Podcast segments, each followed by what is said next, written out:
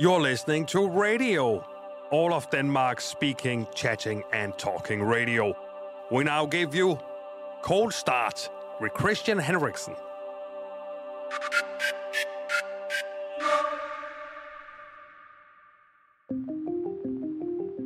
How did a normal girl from Storvorde become an international award nominated dog groomer? And will she win the award and get acknowledged for her work not only in Denmark, but in the whole world? These are the questions you will get answered in today's Cold Start. My name is Kristian Henriksen. I actually was uh, just getting in the door, uh, getting off from work, and I knew that they were announcing the nominees for the awards, but I didn't really think too much about it because I thought I wasn't I wasn't one of them. Um, and then my mom actually texted me, "Did you hear that?" And uh, hear, hear what? And then I actually went in and saw the the nominations, and I was like, well, they actually did say my name. so I think I was very very overwhelmed, and um, and I didn't really believe it at the time. Asian fusion cut, poppy cut, teddy bear cut, and kennel cut. These words might be new and unknown for you, but for Emilie Bau Lassen from Storvorde in the northern Jutland, these words are her everyday life. It's her job. She's a professional dog groomer, and in the local area, a very popular one. But now she is not just known for her dog grooming skills in Storvorde, close to Aalborg. Now her name has arrived on the big international dog grooming scene. She is nominated for a Liz Paul Achievement Award at the World Grooming Conference 2023 in England. Today, Emilie Bau Lassen is the owner of her own salon called Bau Hundecenter at Tofthøjvej 17D in Storvorde. But her journey actually didn't start in Denmark. To understand how Emilie Bau Lassen became the award-nominated dog groomer that she is today, we have to go all the way to England. You are educated in England. Uh, Yes. How was it uh, being educated as a dog groomer in England? Can you describe your your day for me? Uh, yes, well, we would um, we would go in at about uh, nine in the, the morning, and then the uh, the dogs would come in, and we would we were we would usually be somewhere around three to five students in the salon at a time, and then our teacher, our amazing teacher Kelly Henley, uh, who's who owns the salon and the uh, and the uh, the school, if you can call it that, and um, then we would uh, get assigned a dog each, and we would, sorry, get told how that dog was supposed to be groomed, and then we would be, yeah, grooming those dogs, bathing them, drying them, brushing them, and then finally clipping them and doing what needs to be done, all supervised by Kelly the entire time. Was these dogs real dogs? Yes, yes, they were. They were all oh. real dogs. Yeah. And you had a new So- real dog every day at the school, or how did it yes, work? we did. Wow. We did. We did. We have. We had new dogs every day, and that was every day for three months. In England, Emilie Bau Lassen learned and achieved a great amount of skills.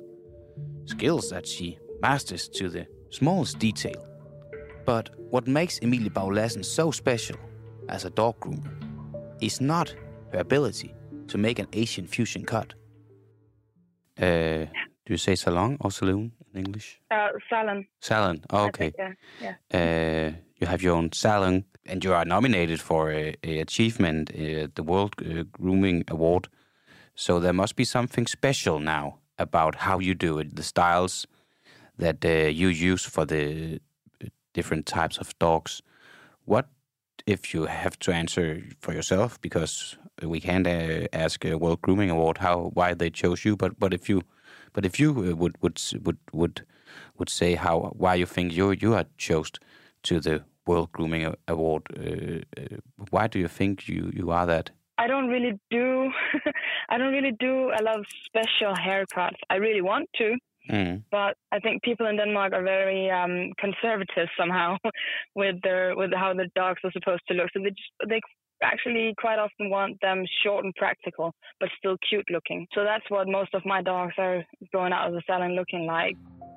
What actually makes Emilie Bau Lassen so special as a dog groomer is her ability to communicate and relax the dogs, which can be quite a big job to do. I I really want every dog to have a good experience in the salon. So instead of just having a dog come in the door and putting it on, directly on the table and just grooming it and then out the door again, I get the dogs inside the, the salon and play with them, um, talk to them, cuddle them, do whatever they, they want to. Of course, there are some dogs sometimes that come in the door and just want to be left alone, you know, just groom them and, and, and out again. But for the most part, the dogs really do want to play or cuddle or in some way interact other than just being bathed and, and clipped. Um, and I think that makes for a wonderful experience for the dogs because the majority of the dogs that I groom actually come running in the doors with their tails wagging and are extremely happy to see me. So mm. I think that's one of the things that maybe makes me special is that I really, really do get to know all of the dogs that I, that comes through my doors. So it's maybe not so much the particular style you are uh, grooming the dogs because, as you say, we are here in Denmark quite conservative about how we are grooming our dogs, but it is also the experience of being in your salon for a dog that is the special thing about you. Yes, I, I think I'd say so. Um, I, I, have a, a, great example of a golden retriever that actually comes to me regularly. Um, the first time he came to me, the owner had to drag him through the doors because he didn't want to go inside. And she told me that he was usually very afraid of going to the groomers. And she had used another groomer, but she was um, she was closed for a time, so she had to find another groomer. Um, and I thought that this can't be right. You know, this this can't be right. That she has to drag her her dog through the doors. He can't be so afraid of going to the groomers. And so I actually spent that first time I had him, I spent three hours with him. It wow. took me about one and a half hours, two hours tops to actually groom him. And then the last hour, I was just sitting there with him, cuddling, getting to know him, playing a bit with him. And he was so happy when she came to pick him up. And the next time she came, he actually came running uh, straight when she when she got him out of the car. He knew he knew where he was going, and he just ran to my door and he ran inside, and he was so happy to be there. And she's actually decided to keep on coming to me instead of the other groomer because now he's just she can take him out of the trunk now of the car, and I open the door and he runs straight into the salon, no problems whatsoever. Wow. You might think that being a dog groomer is a quite new and modern type of job. At that point, you're totally wrong. The earliest historical records of actual dog groomers as a job or profession comes from the Middle Ages, where full-time professional kennel boys worked all around Europe maintaining the hunting and the herding stock. These young men would live with the dogs, caring for them in every way. They would even brush their teeth and had the first grooming tools brushes and combs and scissors to take care of these dogs, who served a very real purpose to the benefit of all that in the state. It appears that grooming first began to evolve into an art form by the early poodles in the 16th century in France. There are lithographs and art centuries old in which women are seen to design more aesthetic cuts. Okay, back to Emilie Bau Lassen from Storvorde, which is a small city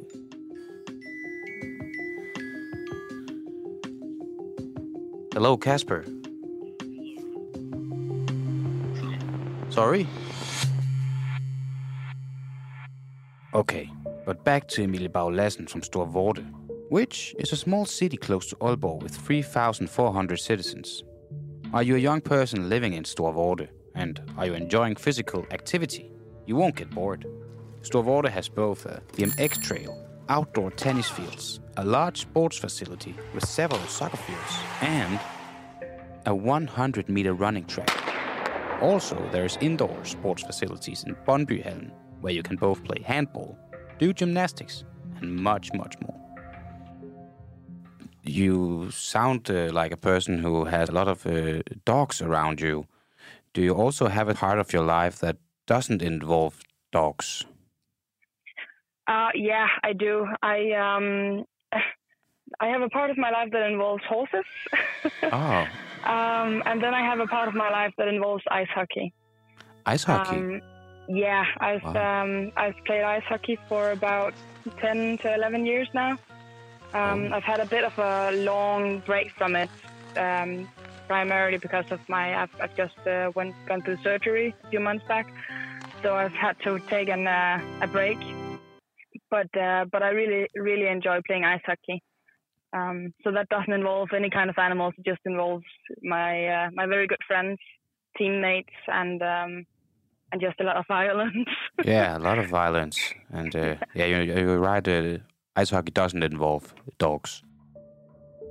I don't know if Emilie plays ice hockey in Storvorde. Probably she's doing it in Aalborg. At the moment, though, ice hockey is not so much what fills her head. Now her focus is the World Grooming Conference in England and whether or not she's gonna win the Liz Paul Achievement Award. Do you know what is going to happen? It's a whole weekend show, or uh, as I understand, it's, it's two days. Do you know how those Yeah. two days are gonna go? yes, I do. It's um, most of the day Saturday. I think it's from nine to four in the afternoon. Uh, we have seminars where people are grooming dogs and educating us on how do they do that groom. Um, I know one one person is uh, her name is Julie Harris. She's coming to talk to us about um, anatomy and skin and coat types and different diseases. You know, things to be aware of when you're working in a salon. Mm. Um, and then in the afternoon on the Saturday, we have this uh, huge gala dinner. And then afterwards, it's the awards. And then we have a, a great big party. And then again on Sunday from 9 to 4, it's seminars again. Wow. And of course, there's a lot of shopping as well. Oh, so you're Yeah. maybe going to spend a lot of money. I'm going to go home poor, Oh, but maybe with a achievement under your arm. hopefully. When you have a great amount of success in your life, when you're one of the best, maybe the best at your job, it's important to keep your feet on the ground. Therefore, it can be healthy to know where you came from and how your interest started. When did your interest start for dog grooming? um, well, I've always known since I was a little girl that I wanted to work with animals. I just didn't know how I wanted to work with them. But I think it was in the summer of 2021 when I was working at this uh, dog hotel that also had a, um, a grooming salon, like just a tiny grooming salon. And um, the woman in the salon let me um, come into the salon and try and help her bathe the dogs and, you know, just getting a small amount, uh, you know, the, the smallest taste of what it is like to be a dog groomer. So I think actually in 2021 that was uh, when I found out I wanted to be a dog groomer. When you're a girl or a boy from the northern Jutland, you're often very humble and will definitely not be bragging about yourself. How do you think your chances are? oh well, I um, I hope they're good. Um, I don't know how much the other dog groomers know the other people that are nominated in the same category as me. Um, I do try to make it very official and um, public on my Facebook pages that I really do care about the dogs, um, and I try to educate myself as much as possible. And that's um, some of the what do you call it? Um, you get nominated for best stylist of the year uh, because you are a person that do educate yourself and you do take good care of the dogs and you groom pretty, you know, make the dogs look pretty, um, and and but still take the dog's welfare into consideration every time you have them in the salon. And I would like to think of myself as such a person that is actually deserving of winning that award because I do do that with every dog, and I do educate myself as much as possible. And I hope that's visible enough on my Facebook page and my Instagram page to have people think, you know what, she is actually deserving of this award. So I hope my chances are good. Uh, I hope so. Uh, have you ever considered grooming anything else than dogs? Well, I am actually open for cats coming into the salon as well. Oh. Um, Can you groom a cat? have- well, you you, you can. you Oh. can bathe and you can brush it. They do shit a lot, uh, Oh. just like dogs they do. Uh, and you can also clip it if you want to, but it's it's not that often that it happens. Um, I'm also open to people coming in with their rabbits or their guinea pigs or whatever if they need a nail trim, for example. Oh, Um, so I am actually open for for any kind of animal, but it's mostly dogs that people do come with. have you ever groomed a cat? I actually have once. Yeah, I have a I have an old neighbor uh, that asked me to help her groom her cat once because it's um it's a very long haired cat and it got some mats because she didn't brush it. Um, so so I had to actually uh, cut her uh, cut her short. It's a bit more difficult than it is with dogs, but it it is uh, doable.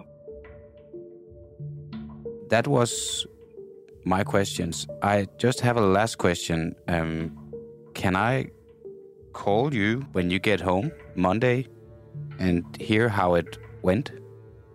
Yeah, of course. Okay, great.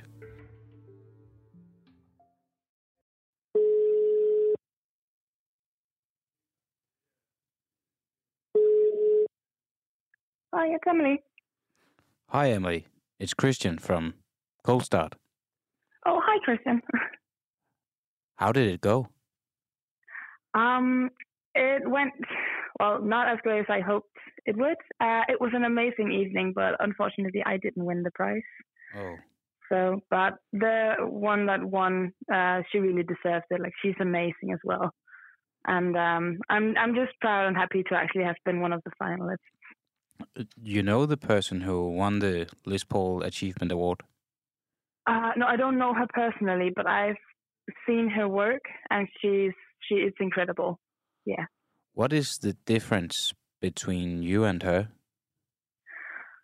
Um, well, I think she's more well known in England, first of all. Um, so people know who she is already, and they don't really know who I am yet.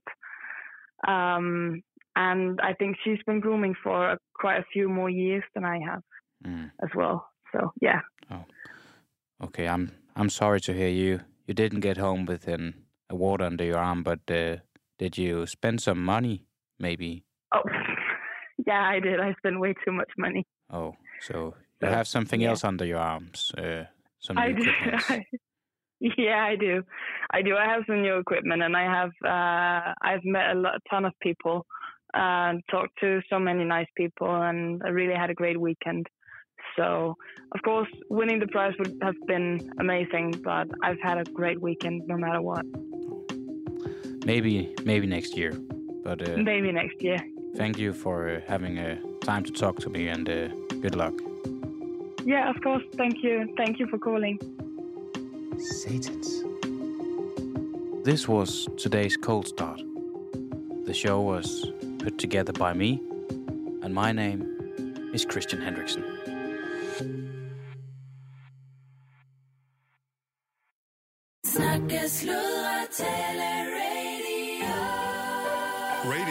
I kulhøjde med dig.